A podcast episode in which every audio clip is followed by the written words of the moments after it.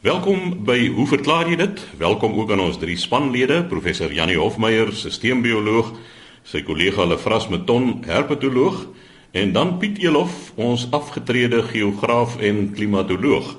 Nou Piet, ons sal synde jou status heel laaste by jou uitkom. Ons begin by Janie Hofmeyer. Janie, jy gesels oor die geluid van water as suiker daarin opgelos is. Chris, ek het 'n vragie gekry van Nico Henning van Kroonstad. Dit is 'n waarneming wat hy gemaak het wat al eintlik lank bekend is, maar wat 'n baie interessante verklaring het. Hy sê soos wat hy dit nou gedoen het as jy 'n 1 liter glas maatbeker vol kookwater maak met 'n koppie suiker daarbey en jy roer dit met 'n metaallepel, is daar twee hoorbare klanke. Jy hoor die gewone geklingel van die lepel en die glasbeker, maar as jy fyn luister, is daar 'n geluid waarvan die toonhoogte styg na mate die suiker oplos. Maar indien jy aanhou roer nadat die suiker opgelos het, styg die tweede geluid steeds totdat die stygings van die toonhoogte nie meer met die oor hoorbaar is nie.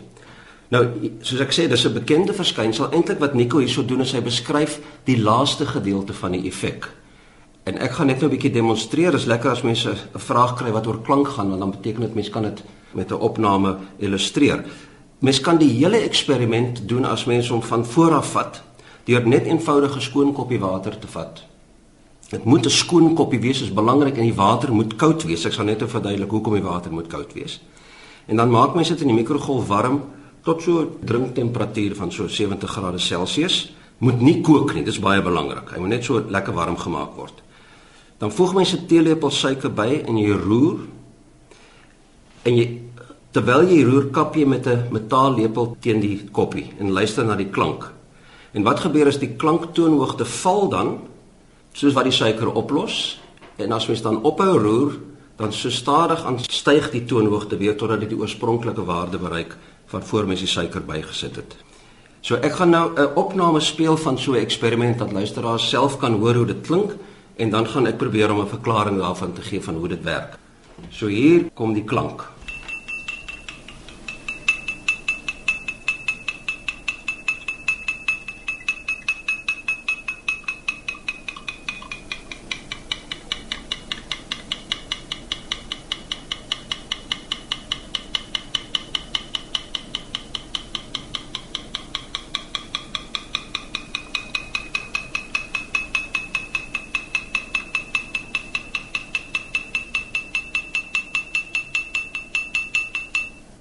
Ons kan duidelik hoor hoe die toonhoogte daal in die middel van die opname en dan weer styg aan die eind na die oorspronklike waarde toe.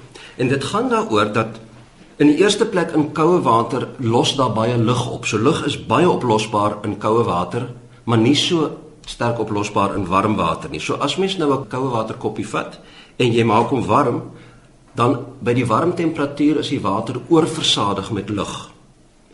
En as mens dan enige korrelrige materiaal so suiker daarbey voeg. Daar's 'n artikel wat hier oor geskryf is met die hot chocolate effect. So mens kan ook warm sjokolade bysit. Enigiets wat poeierig is, die vorm dan kerne waarom die lug wat opgelos is, dan klein borreltjies vorm. So daar vorm lugborreltjies in die water en die lugborreltjies vorm dan soos wat die suiker oplos oor die hele watervolume en dan stadig aanstyg die lugborreltjies na die oppervlak toe en ontsnap in die atmosfeer in. Nou, aan digtheid van water maak die lugborreltjies omtrent niks nie. Kyk, digtheid van water is so 1 gram per kubieke sentimeter en as mens nou lug daarin oplos dan verander dit nie juis nie. Maar wat wel verander is die water se weerstand teen kompressie, teen 'n eksterne druk. En die lugborreltjies die verlaag daardie weerstand teen kompressie. Dit word in Engels genoem die bulk modulus, die kom ons noem dit die styfheid van die water. In die geval met 'n geweldige groot faktor van omtrent 10000 van so 10 tot die mag 9 Pascal tot 10 tot die mag 5 Pascal. As dan net 0.01% van die water se volume deur lugborreltjies beset word. So die hoeveelheid lugborreltjies wat vorm as mens die suiker oplos is genoeg, is meer as die 0.01%. Met ander woorde, die water se weerstand teen kompressie val dan en daardie faktor, die veroorsaak dat die frekwensie van wat die water mee kan vibreer, die val. So die frekwensie van vibrasie van water dit is laer, die modusse is verlaag en jy kry dus 'n laer toonhoogte as jy tik teen die glas. En soos wat die lugborreltjies na bo dryf, verlaag die volume fraksie wat deur die lugborreltjies beset word na minder as die 0.01% en die toonhoogte neem weer toe. En as al die lugborreltjies uit is, is die toonhoogte van die klank weer soos wat dit oorspronklik was. So kom ons speel dit net weer een slag en dan verduidelik ek net presies wat gedurende die eksperiment gebeur. So ek sal nou ook praat gedurende die eksperiment. So dis nou voordat die suiker bygevoeg word. Nou sit mens suiker by en jy roer. Die lugborreltjies vorm. Die weerstand teen kompressie die val. En nou begin die lugborreltjies stadig na bo styg. En soos wat die volume wat beset word deur die lugborreltjies kleiner word, gaan die klank weer op. So net ek hoop daar is jou verklaring vir die waarneming wat jy gemaak het met jou suiker wat oplos in die water. En daardie lekker speletjie is gespeel deur professor Janie Hofmeyer, ons sisteembioloog. Volgende aan die woord, Lefras Meton, herpetoloog. Lefras, skilpaaie en bosluise. Ja, Leon Hugo van Belwel, hy het 'n uh, briefie geskryf. Hy sê jy kan my enige skilpad optel, in elk geval in die Gansbaai omgewing waar hy bly waar die rooi pensies algemeen voorkom en jy sal net voor sy agterpoot buite op die skilpad se pens op die dop 'n bosluis of twee kry. Vir wat? As bosluise agter sagte weefsel anders, sal die pote self mos meer aantreklik gewees het. Ja, dit is nog maar deel van die natuur hierdie bosluis of die parasiet storie die grens tussen wat is 'n parasiet en wat is nie 'n parasiet is soms nogals moeilik want alles eet maar iets anders. Die een sit net permanent op die ding wat hy eet. Hy eet hom met een slag op hy hom so half lewendig en die ander wat nou nie 'n parasiet is nie, maak hom eers dood en eet hom dan op. Om hierdie vraag te antwoord, dit is so dat bosluise baie algemeen op skilpaaie voorkom en mens kry hulle nie net op die dopie, hulle sal daar op die bene ook sit. Maar die dop is 'n interessante ding as mens weer skilpad optel. Mens moet maar nie in die somermaande die rooi pensies optel nie want hulle is mos geneig om hulle blase leeg te maak om dit ryk sleg, maar hulle verloor ook 'n klomp water. So in die somermaande is dit nadelig vir die skilpad. Maar kom ons sê in die wintermaande weer skilpad kry tel hom op, kyk waar die bosluise sit en mens sal sien daar om die rand van die skilde bo en onder op die maag is daar so die soem is so 'n geel. Dit is eintlik baie sagte weefsel. Dit is waar die skilde groei. So daar's baie bloedkapillêres in daardie nate tussen die skilpaaie. So dit is 'n lekker plek vir die bosluis om sy monddele in te kry en by die bloed uit te kom. En natuurlik sal die skilpad nie heel onder op die maag gaan sit daar op daardie skilde nie want daar gaan hy afgeskuur word die pote self en self ook die nek alhoewel dit sagte vel is en bosluise sal daarvoor kom maar nie so baie nie omdat die pote word in en uitgetrek die nek word in en uitgetrek en ja as jy moet dan maar tawe bosluis wees om al daardie wrywing te kan weerstaan. So ja die skilde soos ek gesê het net om op te som dit is sagte weefsel al lyk dit of dit nou harde dop is tussen die skilde. Dit is waar die dop groei, baie bloed daarso en die bosluise neig om daar te sit. Hier is nog twee ander vroue oor skilpaaie, so ek kan sommer maar vinnig deur die een. Ek het net gewonder of die skilpaaie ook bosluiskoors kry.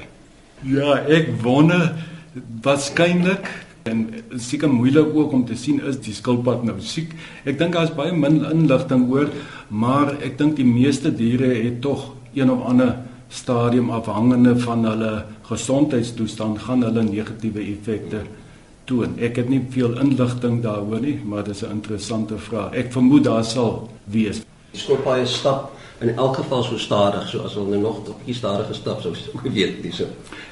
ja, ek meen jy vra nou spesifiek oor siektes, met ander woorde ander parasiete wat nou oorgedra word via die bosluise, maar die bosluise self gaan definitief ook nadelige effekte hê afhangende van die ouderdom en die gesondheidstoestand van die skilpad. Ja. Chris, die volgende vraag oor skilpaaie, dit spruit uit 'n vorige program wat ons gehad het wat ons oor ouersorg gepraat het dat skilpaaie nie ouersorg vertoon nie. Dit is 'n brief van Marlene Fourie van Pretoria. Sy sê hulle was daar in Desember in die Kreelwiltuin en daar het hulle twee skilpaaie dopgehou, 'n klein skilpaadjie wat dan die hele tyd soos 'n sleepwaandjie agter die groot een aangeloop het. En die grootte kon hom nie draai nie of die kleintjie was daar. Sy sê ons het by 'n vorige program gesê daar is nie ouer sorg nie, maar hoe verklaar ons dan nou hierdie gedrag van hierdie skilpaaie? Ek wil sommer net vinnig net weer iets sê oor ouer sorg. Ouer sorg is veral by ons landwerweldiere baie algemeen by voëls en soogdiere en daar's 'n baie goeie rede daarvoor want hierdie groepe is endotermies. Hulle hou hulle liggaamstemperatuur konstant en daardie liggaamstemperatuur kan dan nou handig aangewend word om eiers op te broei, dit groot te maak of selfs kleintjies as hulle gebore word warm te hou en ook ander gevolge, die kleintjies kan vroeggebore word wat baie voordelig vir 'n spesies kan wees en dan kan die ouers dan nog verder na die kleintjies kyk. Maar die meeste reptiele en amfibieë is dan nie ouer sorg nie want hulle is ektoterme. Hulle is kom ons noem nou maar koudbloedig. So daar's geen termiese voordeel wat hulle vir die kleintjies kan bied nie. En dan ook as gevolg daarvan vir al die wat eiers lê, daardie eiers neem 'n lang tyd om uit te broei. Skilpad se eiers kan 3 maande en langer neem om uit te broei. Nou die ma skilpad of die pa gaan nou nie vir 3 maande daar sit te wag vir die kleintjies om uit te broei nie. En as die kleintjies uitbroei, wat kan die ouers nou bied aan die kleintjie? En ek niks hulle kan nie vir hulle kos gee nie. Hulle kan hulle nie beskerm nie want dit is 'n skilpad is nou nie 'n ding met 'n paar lekker paar tande wat nou kan. So daar is geen voordeel nie, so daar is geen ouers sorg nie. So wat sy hier waarneem is iets anders. Daardie klein skilpadjie, hy's nie 'n babetjie nie, dis 'n jong mannetjie. En die groter een is die wyfie en mannetjies as hulle ryk te sulke tyd, die feromone van die wyfie, dan is hulle baie bedrywig al agter die wyfie aan en hulle probeer om te paar. So dit is maar bloot paringsgedrag. By die meeste reptiele is groei is onbepaald. Met ander woorde, die diere groei eintlik hulle hele lewe lank. So hulle is nou al vroeg geslagsryp, die mannetjies, maar hulle is nog nie baie groot nie. Hulle gaan so met die jare word hulle al hoe groter. So dit is maar die gedrag wat hierso waargeneem is. Lefras, ek dink wat jy daar beskryf het, is die eie aan skilpaaie nie. Partykeer neem mense dit waar ook by die mens self oor hierdie jong mannetjies. Maar uh, net iets interessant.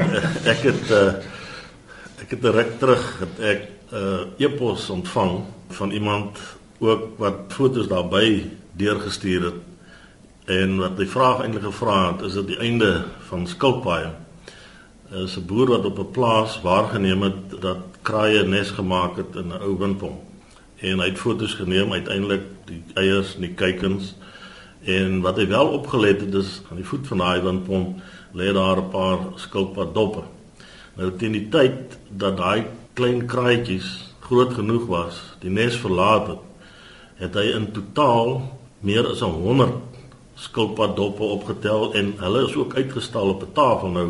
Ek moet aanvaar dat die man nou nie gejokke daaroor nie en dat hy op ander plekke dit opgetel het, maar as dit so is dat uh een paar kraaie een stel kleintjies groot maak en 100 skilpad doppe opgetel word, is natuurlik klein skilpadjies wat hulle optel en vlieg en laat val en breek die dop en dan kan hulle nou by die vleis uitkom. Dan uh is die kraaie besig om 'n probleem te word Ek onthou as kind, dit was baie jare terug, en my oupa se skuur het die kraai koppe gehang en die ou mense het geld gekry vir elke witbors kraai wat hulle wat hulle van kant gemaak. En hier in die Weskaap is daar van my vriende wat die boer wat sê dat hulle probleme het met kraaie in die sin dat hulle tarantaal getalle en visantgetalle afneem as gevolg van die feit dat die kraaie die eiers het as ek dink aan Stellenbosch se sportvelde, sportgronde, jy sien bitter min kwietpare meer op die sportgronde wat normaalweg daar gebroei het. En ek is oortuig daarvan dat die kraaie 'n aandeel het in die vermindering van die getalle van ons kwiete en ook selfs van ons visante en tarantale in die omgewing. Piet ons het toevallig hierdie vraag by 'n vorige geleentheid bespreek. Dit is hierso in die suide van die Tankwa, daardie plaas en net om sommer net vinnig te herhaal, dit was gedurende Oktober maand gewees, laat September Oktober wat dit waargeneem is wat die die kraai die kleintjies grootgemaak het. Dit is ook die tyd waar daar goeie reëns geval het daar in die suide van die Tankwa. So met ander woorde, die skilpaaie sou baie aktief gewees het vir daardie tydjie. Dit is een paar kraaie wat nou waargeneem is, is reg oor die 100 doppe, maar as mens nou 'n telling sou kon gaan maak, hoeveel skilpaaie was daar in die omgewing of is daar normaalweg, dan sou mens verbaas wees hoe baie daar is. Ek dink mense is altyd geneig om vinnig te reageer. Kom ons vat 'n valk wat ook in die omgewing voorkom en ons kon nou as 'n valk nou elke keer akedus kop laat val daarso by sy nes. Dan sou jy waarskynlik net soveel akedus koppe daar optel. Wat ek probeer sê, mens moenie te veel hierin lees dat die kraaie nou gaan 'n probleem is. Ek dink dit is standaard. Ons weet nie hoeveel eet valke en kraaie elke dag van wat daar in die veld is nie. En dit mag groot getalle wees. Miskien is ek verkeerd, miskien is dit 'n probleem, maar aan die ander kant hierdie skilpad oral waar hy voorkom is hy baie volop ten spyte van al die pogings in die ou dae het ons die skilpaaie geëet nou mag jy nie meer hulle is eintlik oorbevolk. Daar was in die jaar 2002 groot brand hier teen die Weskus. Ek weet jy of jy sal onthou nie.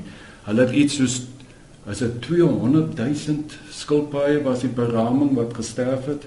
En gaan loop maar daar nie daar teen die Weskus. Hy skilpaaie is alweer oral. Ek dink nie ons het 'n idee van die verhoudings tussen predator en prooi om werklik kommentator kan lewe hieroor nie.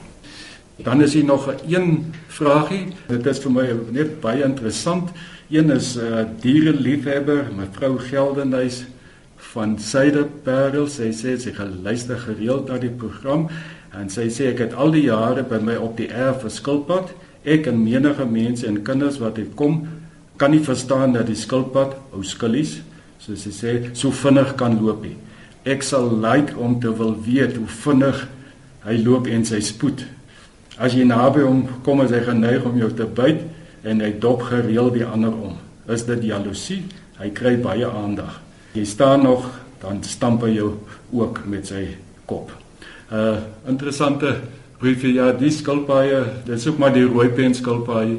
Hulle is bekend die mannetjies het so 'n skild hier net hier onder die kop, so 'n lang uitgesteekte pen wat hy en die mannetjies baklei baie met paartyd. Die een mannetjie probeer die ander een omkeer en hulle keer hulle ook om sodat hy met die wyfie kan paar. So wat nou daar hierso waargeneem word is nou maar hierdie pogings en omdat die die skilpad nou al lank in gevangenskap is, ja, het hy seker nou al allerlei snaakse gedrag aangeleer om sommer mense ook as moontlike prooi te, te beskou. Wat die spoed betref, ja, ek weet dat mes dit is mos nou maar 'n relatiewe ding. Bes sê skilpad is stadig, maar wat bedoel jy is stadig? Hy's weer vinniger as iets anders. En soos groot skilpad uh, vir al die die rooi pens, hy kan nog as loop, maar dit is byna vir my maar altyd stadig, want jy gee net twee tree daai het jy. As hulle wil weet hoe vinnig hy nou werklik loop, dan kan hulle mos sommer daar by die huis 'n uh, eksperimentjie doen. Laat hom loop oor 'n afstand. Wat is stophorlosie? Meer die afstand van die eerste punt af tot die tweede punt 'n werk uit. Hoeveel meter of per sekond of myl per uur? Ja, dit is interessant wees om te sien hoe vinnig hy loop. Lefras wat my interesseer as 'n skilpad nou so omgedop is en hy lê op sy rug, kan hy weer op sy pote beland van self. Ja, want dit sou seker nog 'n groter effek gehad het as die kraaie want al die mannetjies daar gaan baie vinniger tekort aan mannetjies wees as hulle nie weer op hulle pote kan kom nie. Ek self het dit getoets want ek het al hierdie stories gehoor daar in die Weskuspark by Langebaan. Daar's geweldig baie van hierdie skilpaaie. Ons het 'n klomp omgekeer. Dit is nou in sand. Ek moet sê die substraat is sand, maar daai skilpad wikkel en woel sommer vinnig dan as hy weer op sy pote. So ek dink dit is seker nog nie waar vir ander skilpaaie nie want hulle keer nie mekaar om nie en hulle mag dalk val en op hulle rug beland as hulle redelike plat skilpad is dan kan ek sien dat hy nogals probleme gaan hê maar nie hierdie skilpad nee wat nou is 5 minute na 10 minute en as hy weer op sy voete Nou ja, dit dan wat die skilpaaie betref. Volgende aan die beurt en hoe verklaar jy dit? Is ons afgetrede geograaf en klimatoloog en net voordat hy in dit stel ons hom aan die woord. Piet Elof, jy het 'n vraag ontvang oor hoekom die wolkmassas wat van Botswana af suid beweeg, nie altyd daar in die Noord-Kaap uitkom en reën bring daar nie. Ja, Chris, ek het 'n brief hier van Jan Koetser eh, daar van die Beng se wêrelddag.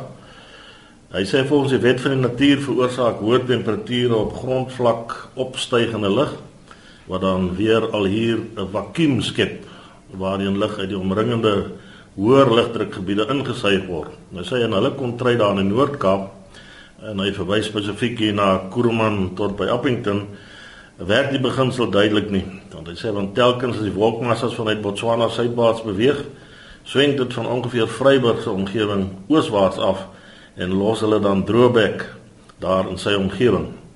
Dan sê hy ons laagdrukgebied geskep deur konstante hoë somertemperature moet natuurlik dan die lug ingesuig soontoe. Hy sê of dwaal sy siening oor ligdrukstelsels. Ja, ek dink hier moet 'n mens kyk na twee skale. As jy praat van plaaslike skaal, jou eie omgewing op klein skaal, dan is daar niks fout met jou redenasie nie in die sin dat as die temperatuur hoog is, dan raak die lug minder dig, dit styg en dan word dit aangevul deur lug vanuit die omliggende omgewing. En dit is eintlik dan ook hoe jou tipiese cumulus en cumulonimbus wolke vorm. As jy egter kyk op 'n op 'n effens groter skaal, as jy praat van jou ligdrukstelsels, dan moet ons kyk die omgewing wat jy na verwys lê hier so tussen 25 en 30 grade suid. Nou in daai omgewings tussen 20, 25, 30 grade suid en noord van die ewenaar is die omgewing waar daar hoogdrukstelsels voorkom. In Suid-Afrika het ons juis die semi-permanente hoogdrukstelsels in die Atlantiese Oseaan en die Indiese Oseaan wat daar lê. En soos wat die son noord en suid migreer deur die loop van die jaar, gaan hulle ook noord en suid skuif.